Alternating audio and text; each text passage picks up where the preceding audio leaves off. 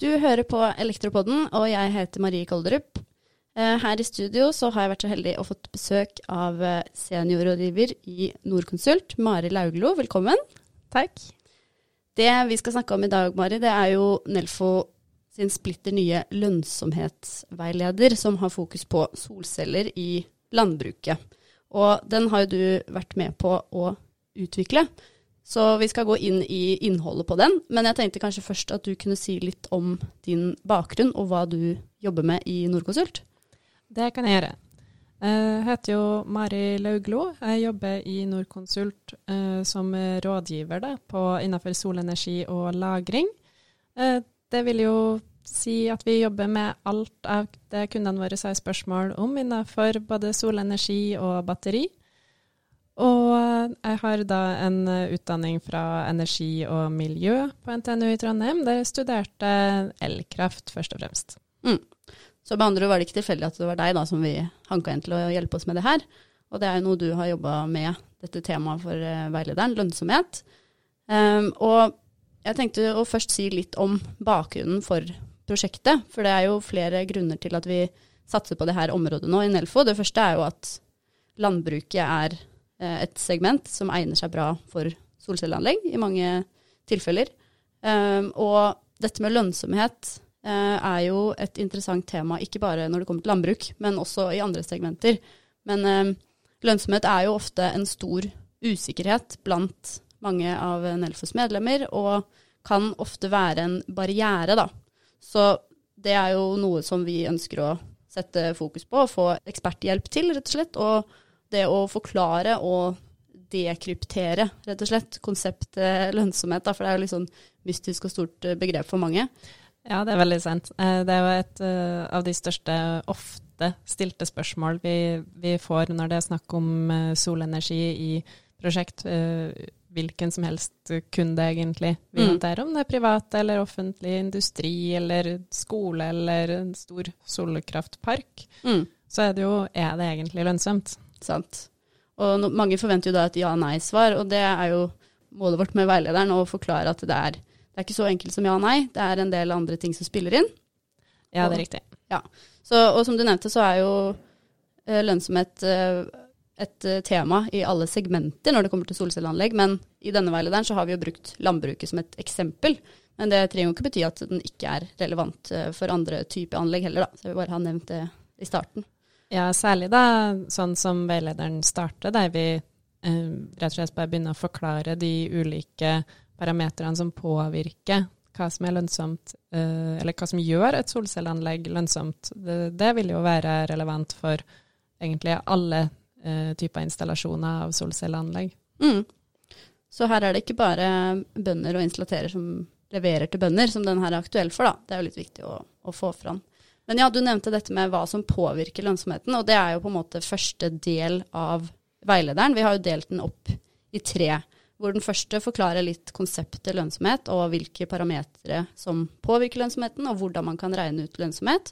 Eh, I del to så er det sett på et eksempel gårdsbruk og gjort noen eksempelberegninger. Også i del tre så har dere i Norconsult gjort noen sensitivitetsanalyser, hvor du da har sett på hvordan de forskjellige input parameterne påvirker eh, den totale lønnsomheten. Da. Så hvis vi begynner eh, på riktig side da, med del én, mm. så er det jo dette med hvordan man måler lønnsomhet, og hvordan har det blitt gjort i veilederen?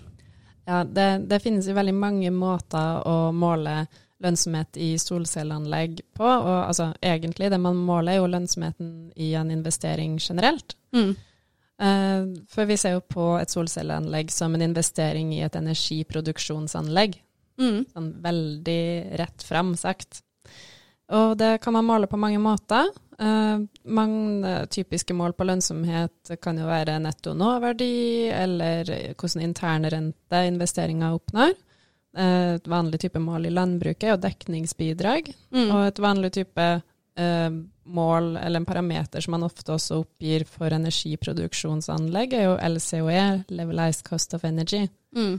Uh, men for denne veilederen så har vi valgt å bruke tilbakebetalingstid, også kalt nedbetalingstid, som uh, det målet vi oppgir for lønnsomhet.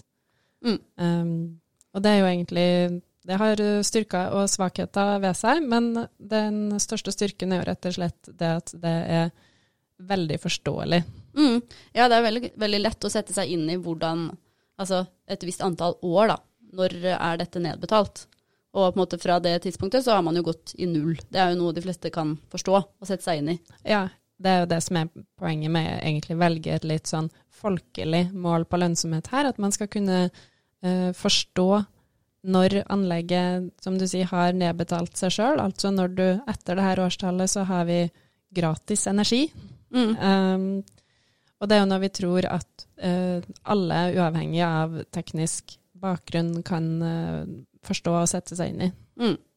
Rett og slett. Og nå, nå, har vi jo bare en kort uh, podkastepisode til rådighet, så alt uh, rundt det her er jo selvfølgelig nøye diskutert og begrunna i veilederen.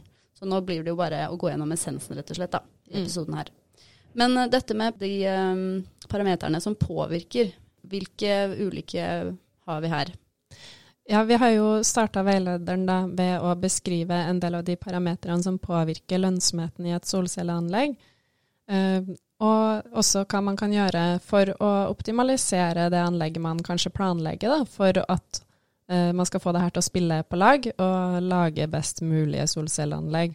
Mm. Og da er jo de parametrene vi går gjennom, det er jo solressursen, altså uh, hvor mye solinnstråling det er der du tenker å bygge anlegget. Mm. Eh, vi går gjennom strømforbruket, hvordan det påvirker lønnsomheten. Altså når du har behov for strøm, og hvor mye du har behov for. Eh, så snakker vi litt om det med installasjonsomfang. Enkelt sagt om, man, om det alltid lønner seg å installere størst mulig anlegg, eller om det er noe man burde planlegge litt. Mm. Vi ser på masse små sånn lokale forhold og kommenterer hvordan de påvirker lønnsomheten opp eller ned. Da. Sånn som f.eks. Eh, hvilken type nett du har eh, der det er aktuelt å installere det her, mm. og, og, hvor lett det er rett og slett å komme til med en installasjon. Ja. Um, de to siste parametrene vi omtaler som de parametrene som påvirker lønnsomhet, er jo rett og slett installasjonskostnad. Hva ja. blir det å koste og få, få det her montert opp på um, gårdsbruket. Mm. Og så fremtidig strømpris. Ja. Så det er jo ikke småtterier. Det er mange input-parametere og mange mulige variasjoner, rett og slett. Men for å klare å kunne gi et svar, altså et uh, antall år dette tar å nedbetale, så har vi jo måttet lage et konkret eksempel Mm. Hvor vi da har valgt på en måte én eller én verdi på alle de parameterne du akkurat nevnte. Ja, som, som, ingeniør så har vi jo veldig lyst til å eh, forklare opp og ned og frem og tilbake, og det får vi gjøre i starten av veilederen. Mm. Eh, ved å si hvordan alle små og store valg og parametere eh, faktisk vil kunne påvirke. Ja. Eh, men for å ta det litt uh, ned til virkeligheten og til noe som er litt enkelt forståelig, så har vi jo, som du har sagt, gjort et sånn eksempelregnestykke. Mm. Og da har vi jo tatt utgangspunkt i det vi mener er et litt sånn middels typisk eh, eksempel på et solcelleprosjekt.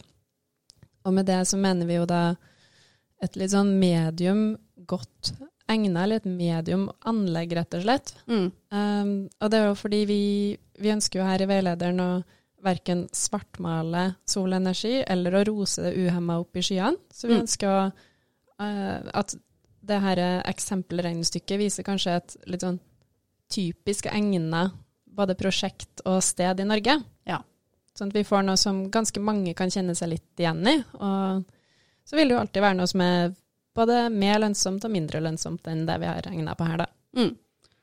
Rett og slett noe som flest mulig skal kunne kjenne seg igjen i, da, uten at man får den derre 'hæ, men dere sa jo sånn og sånn i veilederen'. Så her er jo tanken at man, man går rett og slett medium ut, da. Jeg ja. syns det er godt beskrevet. Og det vi har sett på da, da har vi jo um, sett på en melkebonde som har sånn omtrent 40 dyr, en middels stor gård, mm. plassert på Østlandet, som har liksom helt vanlige solforhold for den landsdelen, Mm. og det vi kaller et vanlig energiforbruk for en melkebonde av, av eh, en sånn type størrelse. Ja, og nå når du sier vanlig, så vi kunne jo selvfølgelig slengt masse tall ut i lufta her, sånn, men eh, dere stakkars som hører på skal slippe å høre alle de tallene. Så de står jo selvfølgelig tydelig forklart i veilederen. Men Mm. da er det jo gjort en, en vurdering av Norconsult og, og målt opp imot hverandre at dette er normalt, dette er gjennomsnittlig cirka. Ja, og der har vi jo eh, støtta oss ganske mye på den her gode eh, veilederen som, eh, som eh, Vestfold Bondelag lagde for solenergi i landbruket i fjor. Mm. Og i samtaler med dem også da fått eh, beskrevet hva de vil anse som et litt sånn eh, middels egna gårdsbruk, og hva de anser som faktisk et middels stort gårdsbruk. Mm. Eh, videre i basecasen så har vi jo da eh, sett på et solcelleanlegg som er tilpassa det her energiforbruket til den gården vi nettopp beskrev, og regna på energiproduksjon ut ifra ut ifra mm, det- den plassen, rett og slett. Ja. Og, og vi har sett da på installasjonsomfang for et tilpassa anlegg her, da. Mm. Og hva endte dere på da på installasjonsomfang? For denne gården så endte vi på at ca. 30 kW peak Ja. eh, var det som eh, passa best. Mm. Det var da ca. halve eh, sørsida av låvetaket. Ja, ikke sant. Og det også ser man jo variasjoner i. Det finnes jo lover med, med en tredjedel dekt, eller hele låvetaket dekt. Det, det avhenger jo av forbruket, selvfølgelig, på gården. Ja, det gjør det, rett og slett.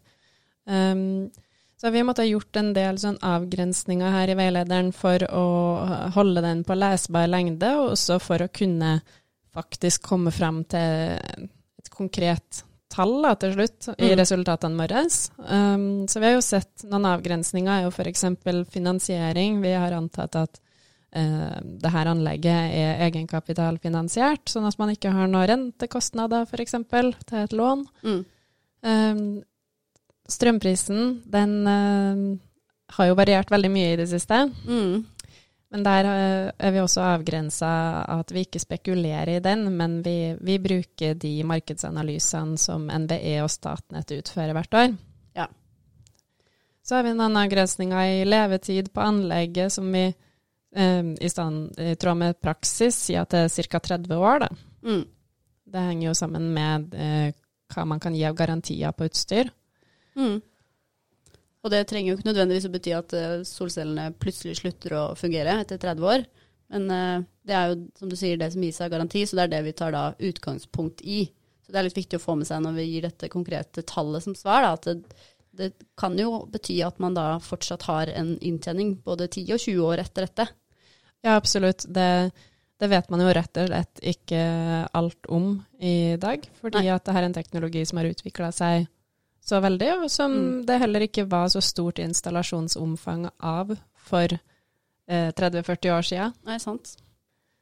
Um, det vi har kommet fram til, da, etter å ha um, i det her eksempelgårdsbruket eh, lagt inn alle de her mediumparametrene som vi har snakka om, at det, Mm.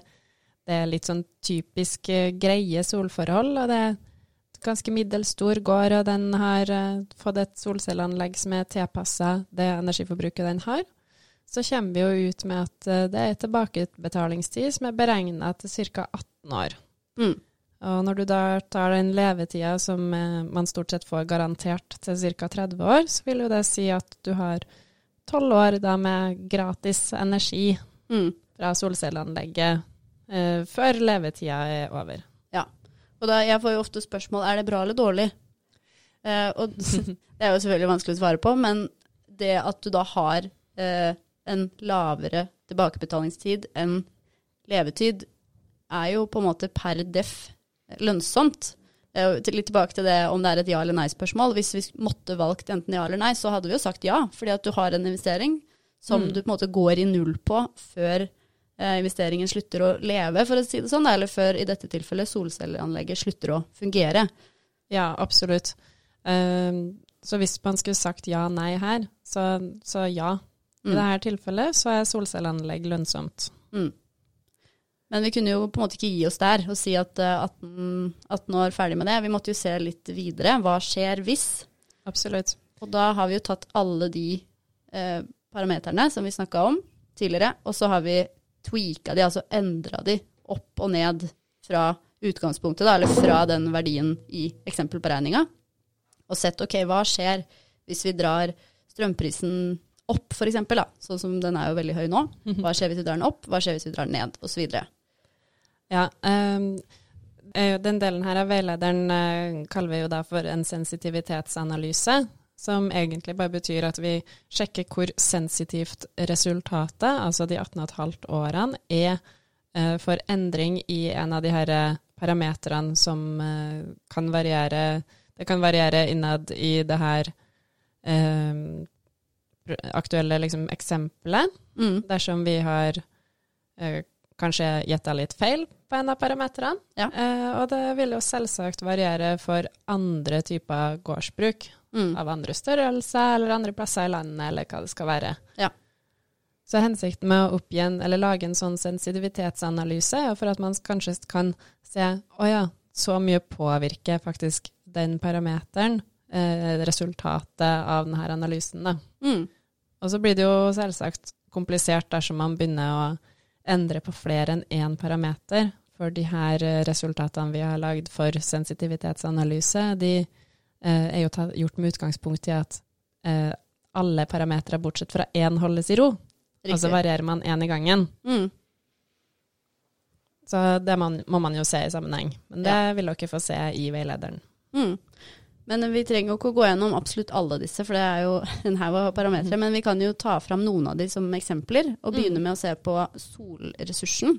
Ja, eh, den er jo litt fin å se på, eh, og litt fin å snakke om også, fordi at solressursen betyr jo rett og slett hvor mye solenergi som stråler inn på denne plassen der vi har eh, det planlagte solcelleanlegget. Og den kan variere av to årsaker. Den ene veldig åpenbare er hvor i landet vi befinner oss. Mm. Vi har jo sagt at vi er en plass på det sentrale Østlandet. Eh, Men den kan òg variere, og det vet jeg ikke om alle er så klar over, den kan variere med hvilken kilde man bruker til de her klimadataene som eh, man legger til grunn for det solressursen. Mm. Og der, eh, der finnes det mange forskjellige kilder til klimadata. Um, og de kan oppgi da forskjellig solressurs for samme sted. Mm. Og det er jo litt sånn hvis du har et datasett som har kanskje tre punkter i Norge, da. Du har uh, Finnmark, Trøndelag og Oslo, og så tar du gjennomsnittet av det. Da er jo ikke det veldig presist eh, hvis du skal plassere deg i Kristiansand eller i Lofoten. Så det Mm. har jo da noe med å gjøre hvor, eh, hvor mange datapunkter rett og slett det er i hver av disse databasene, da. Ja, det, det kan være forskjellig grovt og øh, forskjellig oppdeling, rett og slett. Og Mm. en, en datakilde som er ganske nøyaktig på én plass i landet, den trenger ikke nødvendigvis å være det en annen plass. Nei. Så det er noen ting å være obs på. Eh, Mm. Men først og fremst så er det jo det, de virkelige forholdene som påvirker lønnsomheten eh, på ekte. Altså hva den faktiske solressursen er der du er. Og, Mm. og det kjenner jo egentlig folk ganske godt til sjøl, om de har mye eller lite sol. Mm. Um, men den her med hvordan datakilde man bruker, den påvirker jo bare beregninga. Ja. Ikke hvordan anlegget faktisk yter over tid. Men den, hvis man bruker feil datakilde, da, så um, kan jo det gjøre at man får et resultat som er både urealistisk positivt og urealistisk negativt. Mm. Og når vi ser på de sensitivitetsanalysene her, så er det jo flere år i forskjell på nedbetalingstid, hvis man varierer denne solressursen ut fra utgangspunktet, da. Ja, det er det. Vi ser jo her en eh, forskjell i nedbetalingstid på en, eh, ut ifra det her eh, 18 årene som var liksom standarden, eller det som er medium, da.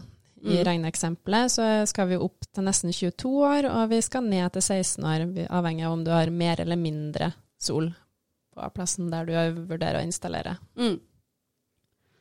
Eh, videre så tenkte jeg at vi kunne ta en titt på dette med eh, salgsandel. Ja, Eh, altså hvor mye av energien solcelleanlegget produserer, selges tilbake til nettet, og hvor mye forbrukes selv. Mm.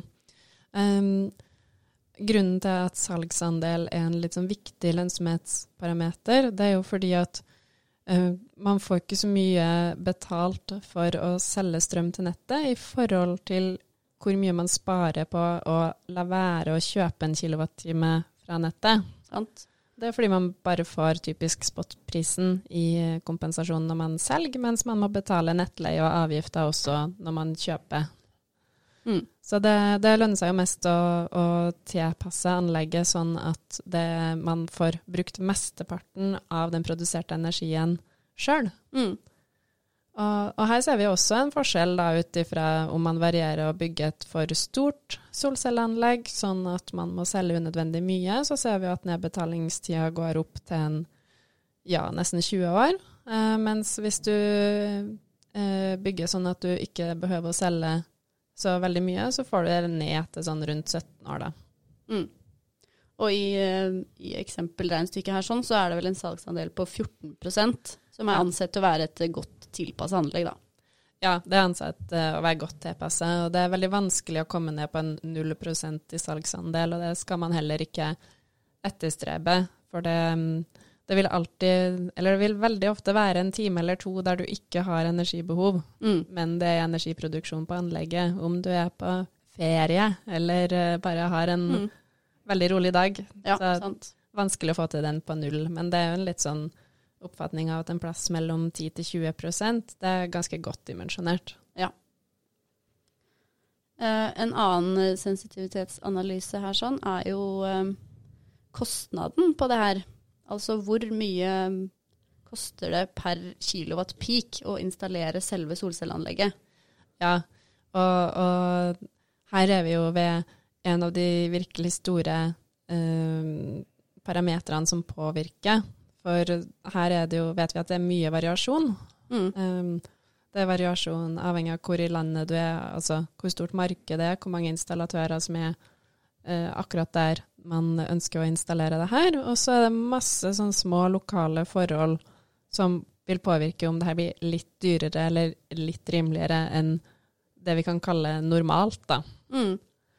Så man ser jo at hvis du uh, slipper å betale så mye for et anlegg, blir det mye mer lønnsomt. Og må du betale ganske mye fordi du kanskje har litt vanskelige installasjonsforhold, eller må gjøre noen arbeider sånn elektroteknisk, så blir det ganske mye dyrere og selvsagt da mindre lønnsomt. Mm. Eller hvis du selv velger dyrere eh, alternativer, da. Du velger et premiumpanel, eller du velger eh, mm. kanskje design Eh, perspektiver som gjør at det er dyrere. Da. Det skal være en viss farge eller en viss form osv. Det er jo også da noe som mm. selvfølgelig påvirker. Absolutt. Så her, eh, her, ser vi jo at for den, den laveste kostnaden vi har brukt uh, i der liksom range vi har brukt da for installasjonskostnad, så får du jo lønnsomheten ned i bare en sånn 13 års nedbetalingstid. Mm. Uh, og hvis vi går oppe i øverste prissegment, uh, så er vi oppe i 24 år. Mm. Det er jo ganske stor forskjell der. Ja, det er eh, god bredde.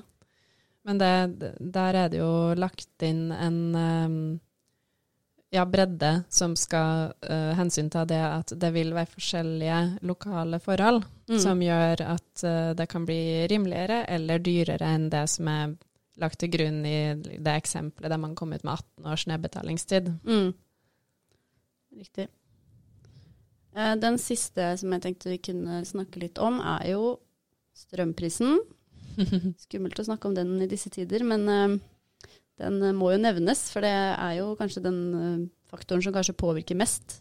Ja, det er jo sånn at i hovedsak så vil det jo være på en måte tre resultater som påvirker hvor lønnsomt anlegget ditt blir totalt. Og, og det er jo da hvor mye koster det her å installere, og hvor mye energiproduksjon får du ut mm.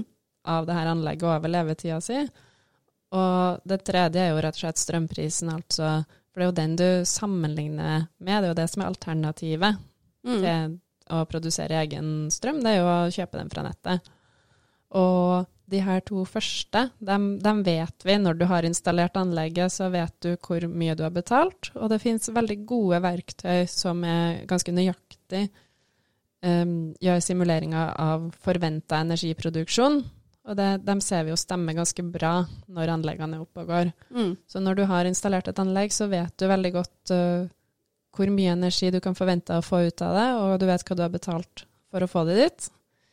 Uh, men det du ikke vet, er jo rett og slett hva strømprisen blir 30 år frem i tid. Og der har vi jo fått oss noen overraskelser mm. i det siste. Ja. Og alle som har solcelleanlegg, uh, står jo og roper hurra. ja. Og har fått en endring i nedbetalingstida si, da. Helt klart. Eh, men det vi har lagt til grunn her, er jo Statnett sine prognoser for kraftprisutvikling. Mm. Og, og, så har vi sett litt på hvordan den utviklinga hvordan den vil påvirke uh, nedbetalingstida, avhengig av om man følger da Statnett sin prognose for høy pris, altså det de tror vil være den liksom mest den, en høy prisbane, da. Mm. eller om de følger det man kaller en Statnett lav prisbane, som er det, liksom det laveste de tror strømprisen vil utvikle seg. Mm. Og bare i Statnett sin analyse, ved å bruke de eh, strømprisene de har lagt fram, så ser man jo en forskjell i nedbetalingstid eh, på ca. åtte år mm. totalt. Um, men med den prisen vi har i dag, så er jo ja, den. Eh, off the charts. Ja. For her har vi jo en variasjon eh, i, i, strømpris i 2021 som er um, bare en forskjell på en sånn ti øre i det som Statnett har lagt fram. Ja, ikke sant. um, ja. Vi vet jo hvordan det her har vært i noen uker nå. Sant. Det er jo vanskelig å forutse, men eh, er, eh, de analysene er jo det beste vi har. Så det er nesten det vi må ta utgangspunkt i når man skal se så langt fram i tid. Det er nettopp det. Mm. Og det er jo derfor vi har valgt å bruke noe sånt også. Det er ikke noe Her er det gode aktører i markedet som har gjort sitt beste gjett. Mm. Og det, det, må vi bare basere oss på. Mm. Vi må begynne å runde av litt, eller gå inn for landing. Men eh, sånn helt uh, avslutningsvis, Mari, uh, for å konkludere litt. Hvordan, eller hvorfor bør de som hører på, lese den veilederen her? Eh, hvis du er en installatør som hører på, så bør du lese veilederen for å øke kunnskapsnivået ditt om lønnsomhetsvurderinger av solcelleanlegg. Det tekniske det er de fleste ganske gode på. Mm. Men kanskje det her med lønnsomhet er jo ikke noe man har sett på i standard elektrotekniske installasjoner. For der, der er det jo ikke et spørsmål om du skal ha stikkontakt eller ikke, du må ha det. Ja, sant. Um, og hvis du vurderer å kjøpe solcelleanlegg, så bør du lese veilederen for å kunne forstå de tilbudene du får. Hvis du tar kontakt med flere aktører i markedet og ber om priser, så bør du kunne lese tilbudet og forstå det som står der. Og du bør også kunne da sammenligne dem, og det tror vi at du kan gjøre bedre hvis du har lest gjennom veilederen. Mm, rett og slett. Og hvis du bare er interessert i solcelleanlegg og vil lære mer om lønnsomhet, så vil jeg også absolutt anbefale å lese veilederen. Den er jo skrevet eh, med type språk som skal være enkelt for de fleste å forstå. Ja, det er jo lagt opp her til at vi ikke skal holde et sånn veldig ingeniørmessig språk, men heller et eh, litt mer folkelig språk, og derav også sånn som nedbetalingstid mm. eh, som lønnsomhetsmål. Ja, sant. Og veilederen svarer jo ikke på om solcelleanlegg er lønnsomt eller ikke, men den gir jo kanskje heller en guide til hvordan man kan få til et lønnsomt anlegg. Mm, hva det er viktig å tenke på. Ja, rett og slett. Mm. Nei, men Veldig bra. Da sier jeg tusen takk til deg, Mari, som tok deg tida til å være gjest her i dag. Takk for meg. Og så sier vi tusen takk til deg som hørte på. Ha det bra. Ha det.